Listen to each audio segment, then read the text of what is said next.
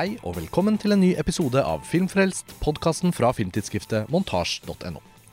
Mitt navn er Karsten Meinick, og jeg sitter her i dag sammen med Lars Ole Kristiansen. Hei, Karsten. Hei, Lars Ole. Ridley Scott har ny film, 'Napoleon'. Den vises på kino nå. Du og jeg har begge sett den, og vi har satt oss ned for å diskutere den. Den historiske figuren Napoleon er jo da ikke den første historiske figuren Ridley Scott har laget film om. Og jeg vet ikke med deg, men bare for å hoppe rett til et av mine litt sånne gode inntrykk fra denne filmen, så minnet meg tidvis litt om 1492, A Conquest of Paradise, som titt og ofte har blitt liksom name-droppet her på Filmfest som sånn Du har sagt ofte sånn Det er Karstens egentlige favorittfilm. Ja, det pleier jeg å si, ja. Den ligger veldig nært mitt hjerte, 1492. Men den filmen handler jo om Christopher Columbus. Men jeg kan komme tilbake til parallellene senere. Men Ridley Scott som sånn historisk filmskaper Nå er jo 'Gladiator' ikke nødvendigvis basert på uh, bare sanne figurer, men der er det jo veldig sånn et historisk miljø fra romertiden osv. Og, så mm og Kingdom of Heaven, med korsfarerne og en og annen name-dropping av spesifikke historiske figurer, og flere sentrale karakterer som er uh, historiske figurer. Så jeg syns jo liksom det moduset til Ridley Scott fortjener litt sånn sitt eget sånn subfokus, nesten, når man diskuterer hele hans filmografi. Tenker du at de utgjør et slags sånn multivers? Ja, litt et multivers. Uh, og Robin Hood-filmatiseringen var jo også på en måte Det er jo Robin Hood-myten og sånn, men den skriver seg også litt inn i det samme landskapet, da. Så jeg følte Jeg, jeg gikk til Napoleon litt med det, som en slags vinkling. Du har tidligere sagt at du kunne tenkt deg å lage en sånn tidslinje du plasser, der du plasserer Scott-filmene. Ja, og det ble plutselig veldig relevant å hente opp akkurat nå. For hvem er, altså Det er jo Exodus. Ja, er det den Bakerst, kanskje? Da snakker vi om en rett og slett en tidskronologi i verdenshistorien hvor du kan plassere inn Ridley Scott-filmer. Ja. Og alle science fiction-filmene, selvfølgelig. De er jo da fremover i tid. Ja. Da har vi jo passert første Blade Runner, kanskje? Har vi ikke det? Jo. Allerede? jo. Um, men um, Og så har du de kontemporære historiene, som da utspiller seg i det året de ble laget. Sånn mm. Thelma Louise og Matchstick Men og sånn. Mm. Og så har du alle som foregår da i fortiden, men Exodus må jo da være den første. Ja, han har vel ikke vært uh, tidligere ute enn det? Nei, kan, nei jeg tror ikke det. Nei. Uh, og så i liksom den napoleanske tiden, eller hva man skal si, uh, så er det jo også The Duelists debutfilmen hans. Er jo mm. veldig tett på i tidsperiode. Mm. 1492 er jo selvfølgelig 1492. Eh, Kingdom of Heaven utspiller seg vel tidlig på 1000-tallet. Jeg husker ikke akkurat uh, hvilket år den er, sånn på stående fot. Men eh, det er veldig sånn spennende å, å, plassere inn alle disse forskjellige tidene. American Gangster er jo på 70-tallet. Ja, ja, ja, selvfølgelig. Så har du 1900-talls uh, ja. med American Gangster. Så er det sånn uh, All the Money in the World, som ja, er, ja, ja. Hva blir det? Ja, Det er jo ikke 70-tallet også, kanskje? Kidnappingen? 60-tallet, kanskje? Ja, husker ikke helt. Eh, og, så, Men House of Gucci ja. og, og, The Last Duel, da. Den er jo selvfølgelig også Den er vel på 1200- eller 1300-tallet. Litt sånn middelalderaktig i Frankrike. Så du, det, det, ja, ja. Hvis vi hadde gjort det nå Det er ikke mange kontemporære filmer. Nei, det er ikke det. The Counselor. Ja, og, og, Black Rain var vel på en måte kontemporær eh, ja. den gangen. Thelma Louise, eh, som du nevnte. Matchstick Man. Ja. ja. ja Den A Good Year, som er den eneste Ridley Scott-filmen jeg ikke har sett. Den ja. uh, Vingårdsfilmen med Russell Crowe som postgladiator. Så du den? Nei, jeg gjorde ikke det, faktisk. Det er litt flaut at vi har en Ridley Scott-film ingen av oss har sett. Ja, Den har vel ikke sånn spesielt godt rykte. Uh, og det er jo en kjent sak at Ridley Scotts filmografi den er uh, humpete, da, mm. for å si det sånn. Uh, han er jo ujevn uh, fordi han sjelden er i stand til å løfte et svakt manus. Men hvis han jobber med et materiale som er ordentlig bra, så er det egentlig ikke grense for hvor bra filmen kan bli. Mm. Men det er en fascinerende karriere, fordi at de aller beste Scott-filmene er noen av de beste filmene som er laget, på en måte. Mm. Og de alene liksom løfter filmografien så voldsomt. Hadde ikke de vært der, så hadde han jo Hadde jo ikke han vært regnet som en markant filmskaper utover selvfølgelig å være en mesterlig iscenesetter, men sannsynligvis blitt ansett for å være en, bare en estetiker og en som aldri helt har fått det til. Men hvis vi snur på det, så kan man jo også si at mm, Men hvis man da tenker som Blade Runner, Alien, Thelma Louise, Gladiator, Kingdom of Heaven, Directors Cut, som er et mesterverk mm. Mm, Ja. Det er jo også mange filmografier da som ikke har fem så gode filmer. Ja, ja, ja absolutt. og, som, og, som, har kjempehøy status. Ja.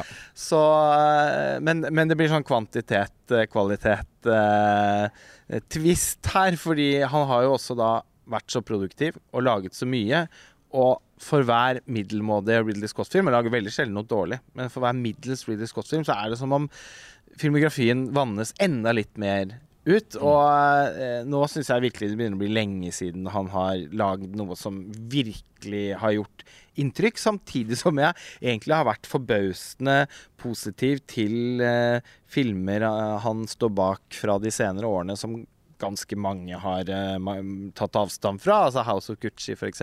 Som Jo, det var jo en skuffelse, det òg. Som, så mange Scott-filmer har vært uh, etter Kingdom of Heaven, egentlig. Kanskje. Uh, men, eh, men, fortsatt veldig solid underholdning og med noen ordentlig bra scener. Det var litt sånn at jeg tenk, følte at den tåler gjensyn òg. Kanskje ja, til og med at den kan vokse litt. Og jeg likte jo The Last Jule òg. Det gjorde ikke du Nei, den like var jeg ikke så begeistra for. Og jeg syns jo den All the Money in the World egentlig var veldig god underholdning. Helt enig. Det er mange som ikke hadde vært i stand til å lage en så god film ut nei, av den studien. Nei, nei, men den var ikke dum. Nei, også, altså, du har jo alltid tatt Hannibal til forsvar. Ja, den er virke... Altså, den ja, er jo bare siden vi ikke har nevnt den, da. Grotesk. Nå ble det jo en liten runde likevel. Jeg føler Hver gang det er en Ridley Scott-film i ja. fokus på Filmfrelst, så tar vi en liten runde. Det har vel nærmest blitt en kultfilm. Altså, det er ja. jo en giallo. Uh. Jeg elsker den filmen. Uh, og, og, jeg elsker også Legend, så jeg kunne jo lagt i flere filmer der sammen som jeg vet at ikke er uh, ansett for å være altså, Fordi han har jo laget noen undervurderte filmer òg. Legend og Hannibal, som nå kanskje ikke lenger egentlig er undervurdert. I hvert fall ikke Legend, fordi den har fått så stor kult-following at den er vel nesten kanskje heller i ferd med å bli overvurdert. Men uh, det, jeg, jeg, har, jeg, har, sånn, jeg tror jeg har fem eller seks eksemplarer av den i fysiske formater. Mm. Og en fantastisk japansk uh, plakat med Tom Cruise uh, i en sånn gullrustning fra den. Den har du sett? ja, jeg har sett den. er jo fantastisk. Jeg bare tenker, Nå kom jeg på den mens du snakket, at den ujevne Ridley Scott, eller humpete, som du sa. Men det er jo også de undervurderte, litt sånn Hæ, skjønte ikke folk det filmene hans? Sånn som The Counselor, som du nevnte i stad. Ja, den, den har jo også fått litt en kult following. den er han veldig kry av sjøl. Ja, og hver gang den blir anbefalt, som jeg ser sånn om det er på Twitter liksom, eller på Facebook, at liksom folk har sånn Også The Counselor. Så er det jo veldig ofte noen som sier sånn Å, den har jeg ikke sett. Og så ser de den, og så er det sånn ja, den, den er virkelig god. Den ja. uh, kunne jeg også tenkt meg å sette uh, Så summa summarum så er det jo færre svake filmer i denne filmografien enn uh, Ja, men det er jo nesten aldri dårlige filmer. Det synes, altså, ja Og Prometheus og The Covenant. Ja, Prometheus syns jeg er kjempebra. Ikke sant? Uh, og den Syns ikke den The Covenant var så ille heller. Nei, nei, den er også veldig, veldig underholdende film. Men den syns jeg faktisk var bedre å se sånn på kino på første visning enn Eh, ved gjensyn. Jeg syns den tapte seg en god del. Prometheus derimot, den syns jeg den så, Jeg så Prometheus fem ganger på kino. Husker du Prometheus-debatten på montasje? Ja, ja, den er jo legendarisk. Og Dag, sine, analy Dag ja, sine analyser og eh, et voldsomt engasjement mm. knytta til den filmen. Og jeg, jeg syns at den eh, fortjener å bli løfta fram som Ridley Scotts beste film fra de siste kanskje 15 årene eller noe sånt. Ah, ja, bort, kanskje bortsett fra The Counselor, da. Ja. Men jeg har fortsatt ikke fått sett den Directors Cutten av The Counselor, som det ryktes at er enda bedre For enn kinoversjonen. Så jeg. jeg så begge. Ja. Um, men han er jo 85? 86? 86 uh, fylt nå. Og, det er jo helt utrolig. Og, og, før Napoleon hadde premiere, så kunne man jo basically si ja, han er i gang med to megastore, episke filmer. da Fordi ved siden av Napoleon, som nå går på kino, og som vi skal snakke om, så er han jo også i gang med Gladiator 2. Og den oppfølgeren husker jeg det var så sykt mye snakk om tidlig på 2000-tallet. Eh, da vi var liksom i våre dannelsesår som eh, filmskribenter og sånn. Etter Gladiator så var det på en måte nesten noe med en gang det må komme en oppfølger. Vi må ha med gladiator. Sånn, hovedpersonens skjebne. Det gjør vel kanskje at oppfølger Hvordan skal det gå? Og så har det dødd hen, og så har folk glemt det litt. Det pleide å være en sånn klassisk aprilspøk ja. det på sånn, ja. Eh, litt sånn dølle filmnettsider. Eh, at uh, det skulle komme Commodus skal Ja, altså Gladiator 2 uh, Det husker jeg at var uh, At jeg ved flere anledninger de årene der da ja. observerte sånne nerdete aprilspøker ja, knytta til det. Men det ble offentliggjort i år, da. Og de begynte. Og så kom skuespillerstreiken, så den har vært litt på pause. Men uh, alt tilsier at den produksjonen går i gang igjen. da. Så vi får enda en sånn storfilm fra Ridley Scott, men nå er det altså Napoleon. Uh, Lars Ole, vi får sette fokus på dette. Dette er Apple Original Films som har bladd opp pengene. I, også i samarbeid med Sony så har filmen gått ut som en vanlig kinodistribuert film, men den kommer på strømming og vil bo der til sånn evig tid. Ja, og den vil jo da også bli lansert i en vesentlig lengre Directors Cut. Altså ja. Ridley Scott er jo da eh, Han står vel bak flest Directors Cut. Keiseren av Directors Cut. Ja, det får, må man kunne si. Eh, men, og dette er vel første gang en Directors Cut da er planlagt på forhånd. Altså mm. at uh, før man lanserer filmen på kino, så opplyser man om at det kommer en director's Mm. cut direkte for strømming eh, på over fire timer. Så for eh, Apple gir jo det sikkert økonomisk mening da, å kunne bruke det ekstrakortet i markedsføringen og si at jo, dere får gå og se den på kino, Ja, men, det- men det blir mer på Apple TV pluss. men ellers så har, tidligere så har det jo aldri vært sånn for Ridley Scott at det har Altså, han har jo alltid stått bak kinoversjonen, Mm. for så eh, i, i ettertid å si ja, eh, jeg har en annen foretrukket versjon som kommer på Blu-ray. Og så har det alltid vært litt sånn blant, blant fans da, veldig sånn spenning knytta til det, fordi at han jo står bak de to kanskje viktigste directors cuttene noensinne. Altså Blade Runner, åpenbart.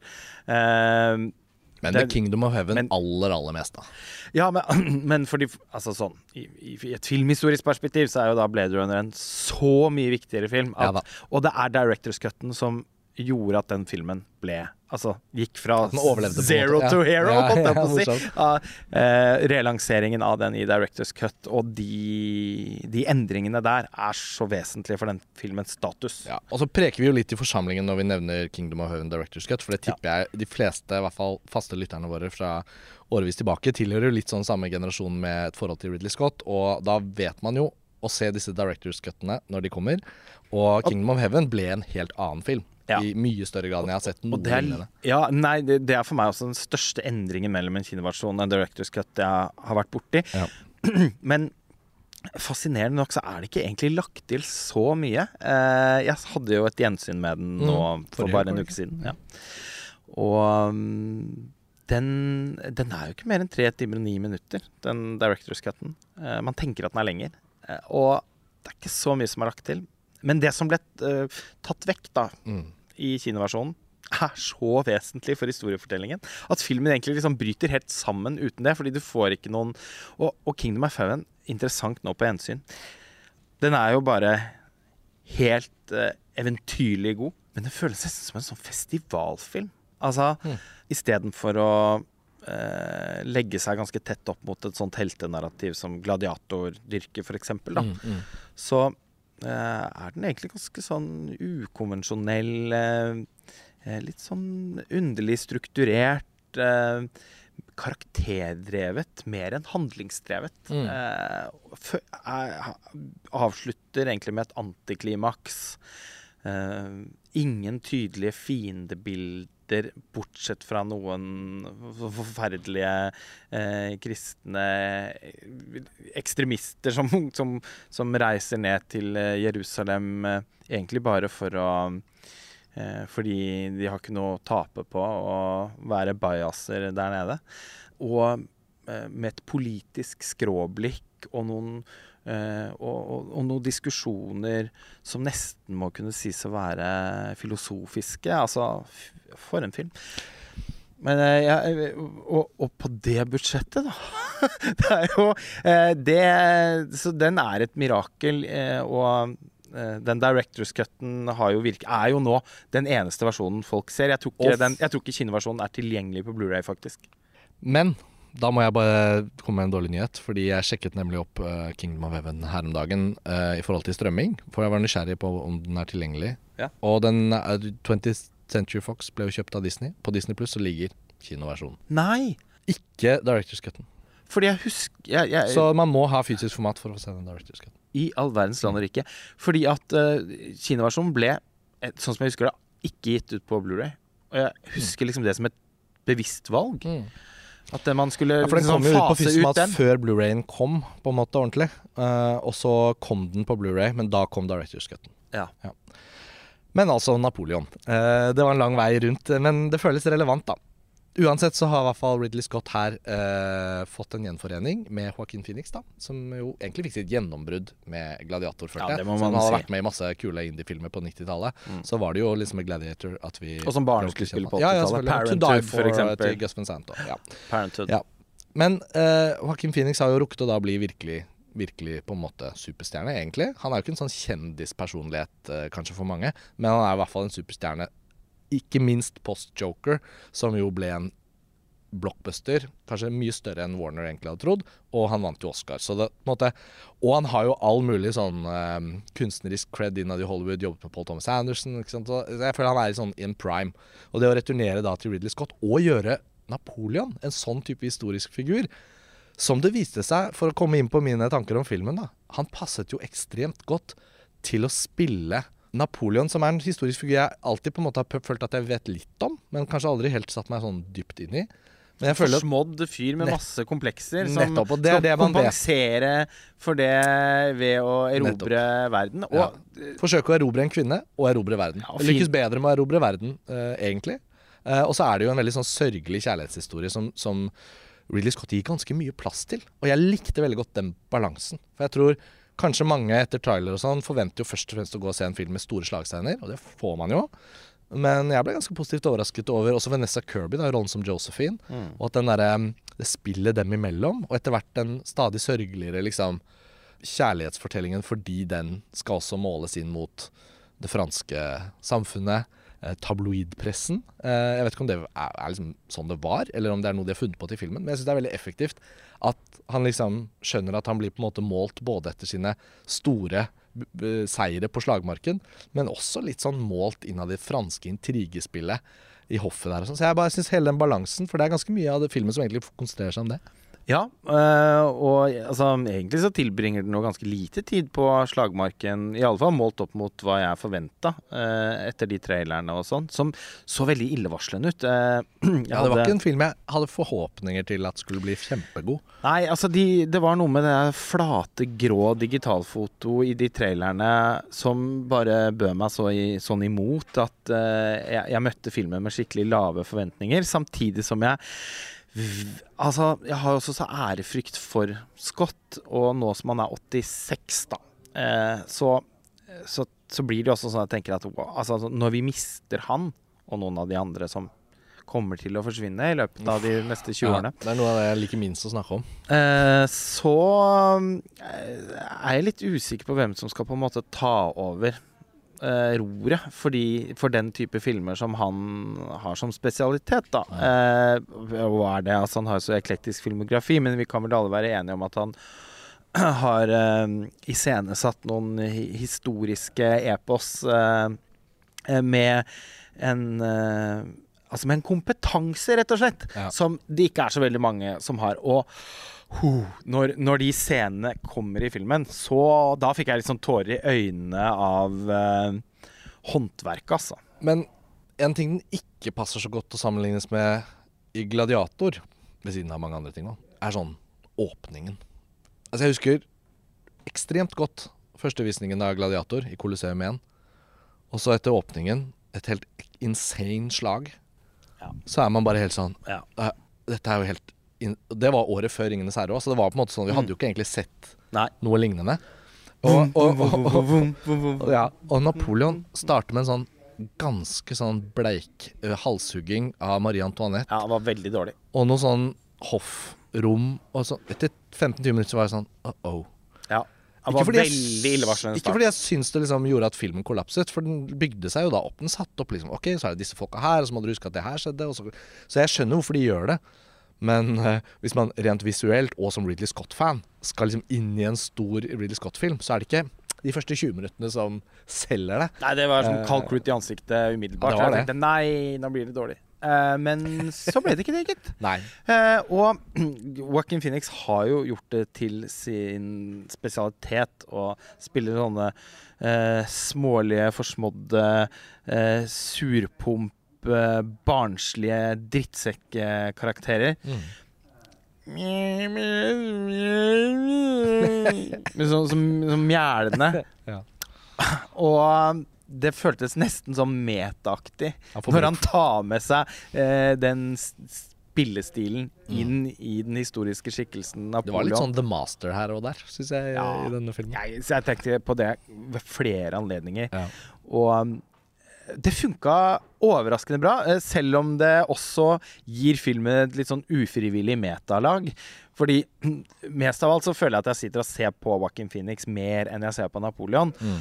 Og eh, filmens store svakhet som fortelling syns jeg er at vi aldri helt eh, forstår hva som gjør Napoleon så karismatisk. At han evner å få med seg så mange folk til å kjempe for sin sak. Det er helt ubegripelig. For han er jo helt uh, ba bare ufordragelig og Og så Altså, tenk åpningen til Russell Crowes karakter i Gladiator. Bare den rollen han spiller i det slagscenen i åpningen. Du tenker sånn Alt han kan gjøre på slagmarken og som menneske, med sine soldater og med alle.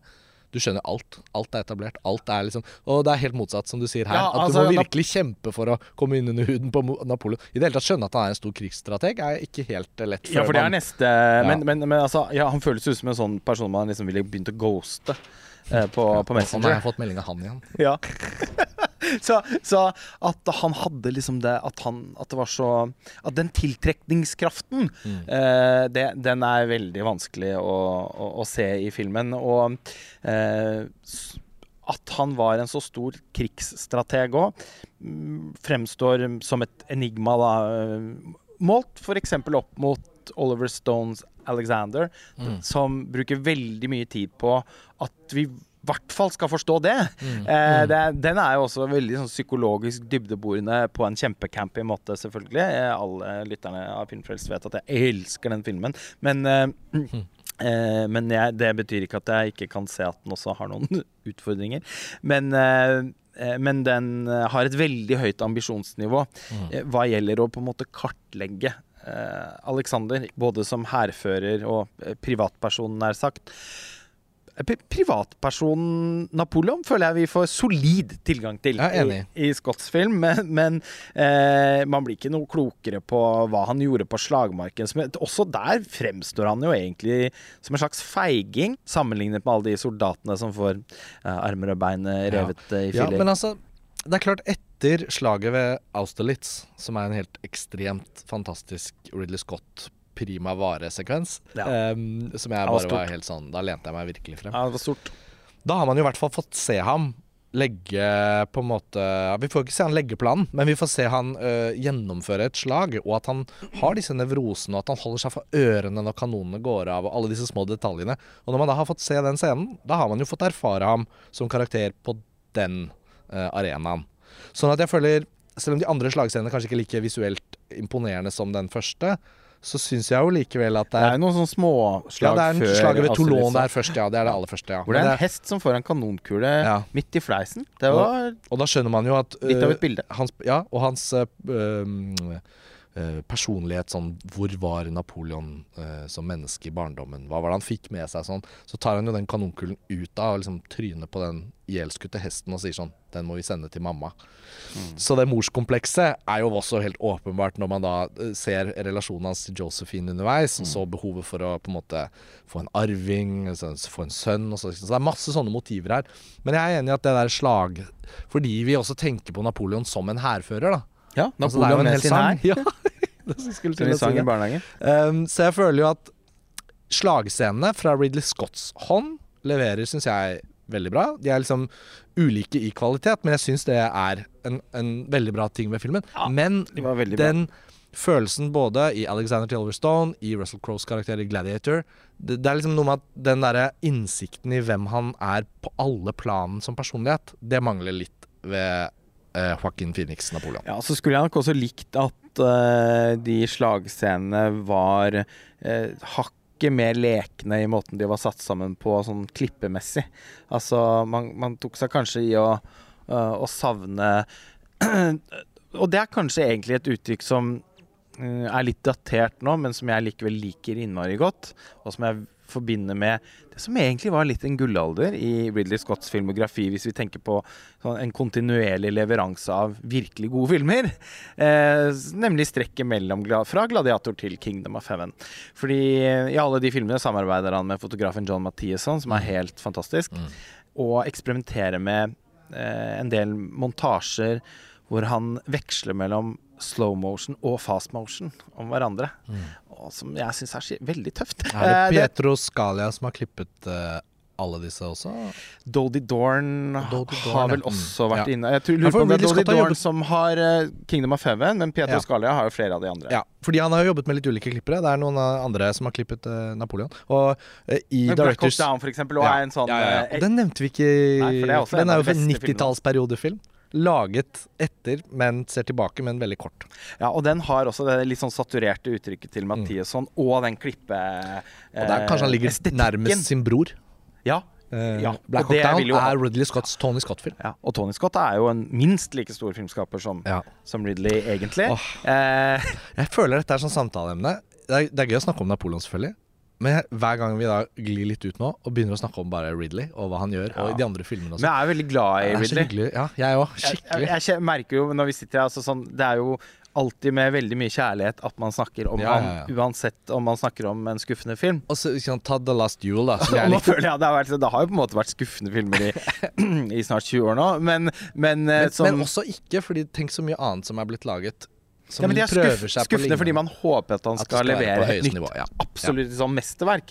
Og det, det sliter han. Jeg har troen på Gladiator 2, da. Du, det har jeg òg. Mm. Bare fordi her har han jo hentet tilbake alle samarbeidspartnerne fra den Ja. første filmen, inkludert John Ja, som du nettopp nevnte. Og jeg syns jo fotografen Darius Wolski er ikke, altså Det er ikke det beste som har skjedd Ridley Scott. At han skroter John Mathiasson til fordel Mm. for å jobbe med, med han. Mm. Eh, det syns jeg og, og at Scott begynte å skyte på digital video.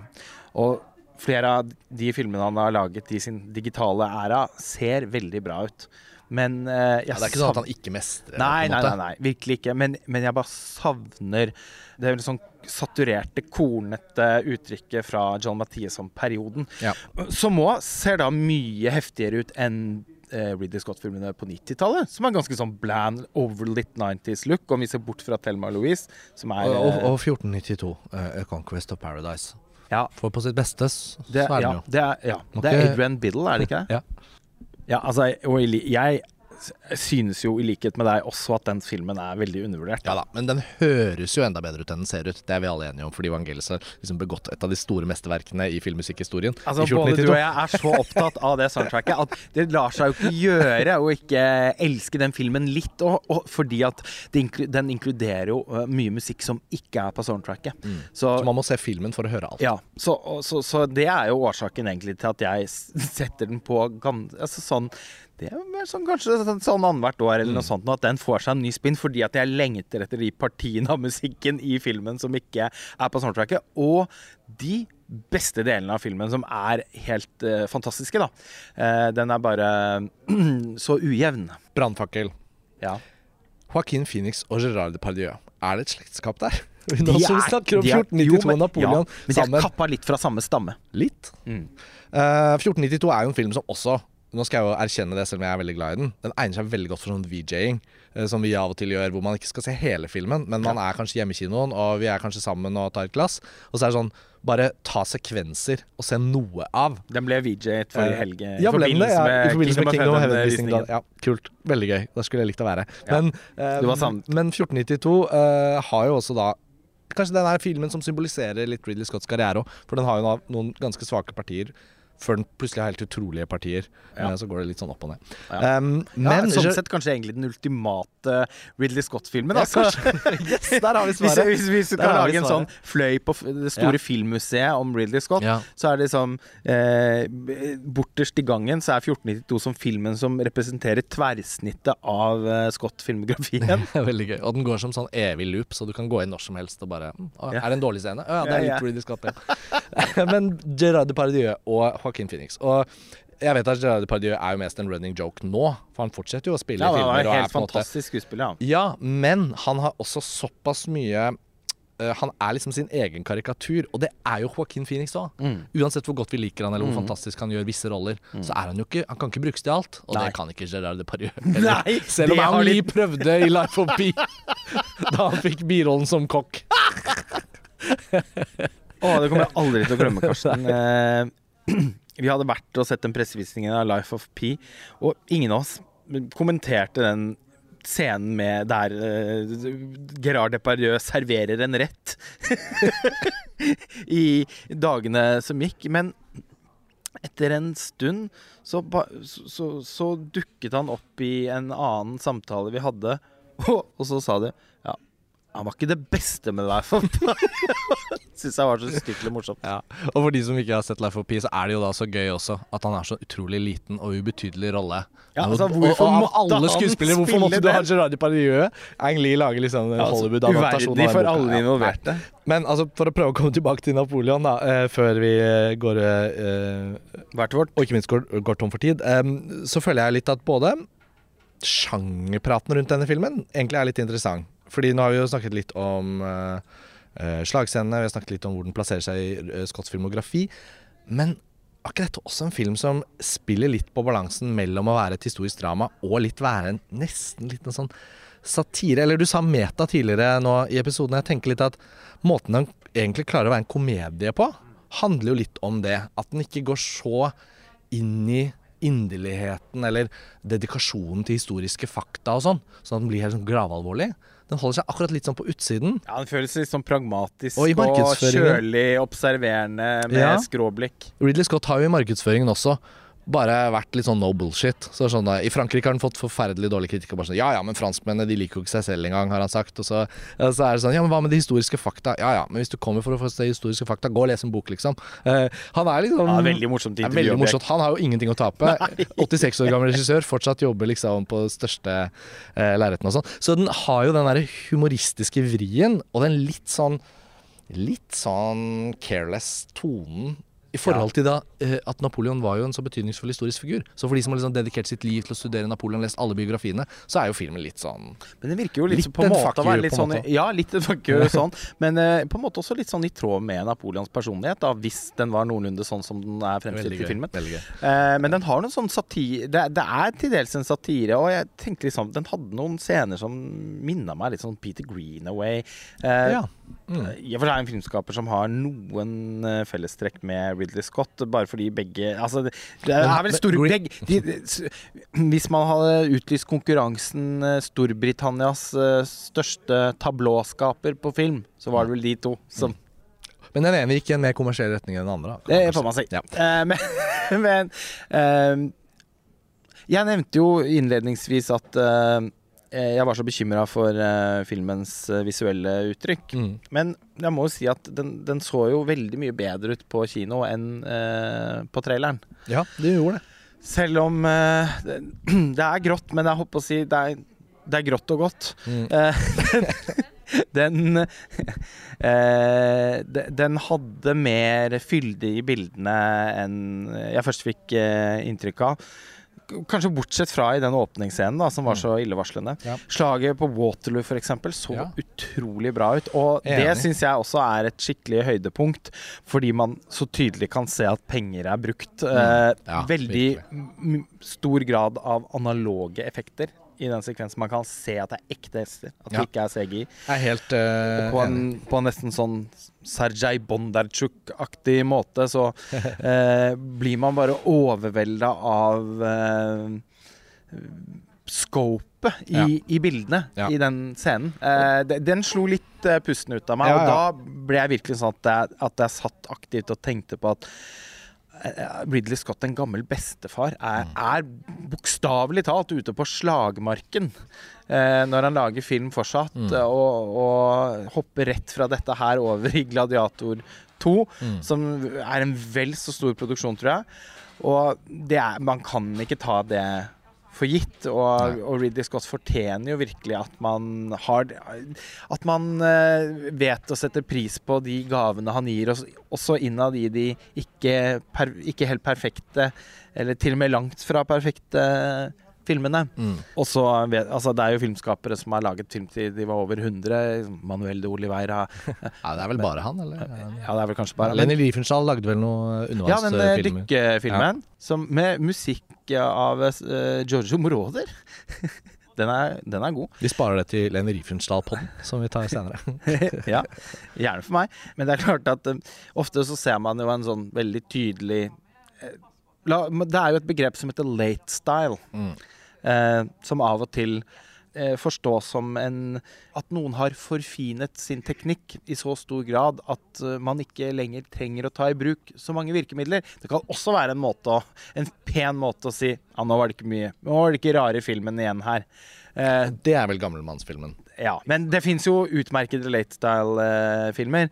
men da ikke så ofte laget av folk på en måte over en viss eh, alder, altså over 85 f.eks. Og så er jo Clint Eastwood en som virkelig har lyktes med å lage glimrende filmer helt opp til han Mm. ble 90. Altså Richard Jewell, da, som jeg syns er helt utrolig at en, en så gammel filmskaper har laget. Men, men til og med den er jo på en måte da en en walk in the park sammenlignet med det Ridley Scott holdt på med. Så jeg tenker jo at kombinasjonen av alder og ambisjonsnivå her kommer til å på sikt da gi han egentlig enda et eh, enda en slags status, eller eh, gi noe ekstra til eh, hans ettermæle. Mm. Ja, det tror jeg også. Da tror jeg egentlig tiden vår er ute for denne gang, da, Lars Ole. Eh, Napoleon går fortsatt på kino, kommer sikkert til å gå gjennom jula også. Og så skal den komme på Apple TV pluss en gang på nyåret, tipper jeg. Og med en director's cut Nettopp. i tillegg, som, Som jeg merker at jeg er veldig spent på. Vi får nesten se om det blir endringene så store og gode, så kan det hende at vi må returnere til den også. Men det blir jo store, i hvert fall, for den er varslet til å være Ja. over fire timer. Ja, ja, Og i kinoversjonen, hvor lang var den? To og en halv cirka? Ja, noe sånt. To timer 40, jeg husker ikke. Ja, noe sånt. Så det er jo ganske Det blir spennende. Ridley Scott holder koken, i hvert fall. Ja. Og kryss fingeren for at han gjør det enda noen flere år til. Eh, Napoleon eh, er eh, den aktuelle filmen. Gladiator 2 er den han er i opptak på. Og så følger vi jo med om det er andre ting han Om han er ferdig med Alien-universet og sånn. Hvem vet? Kanskje Ja, hvem det vet. kommer noe mer der. Ok. Takk for denne gang, Lars Ole. Vi høres igjen snart. Ha det bra. Ha det bra.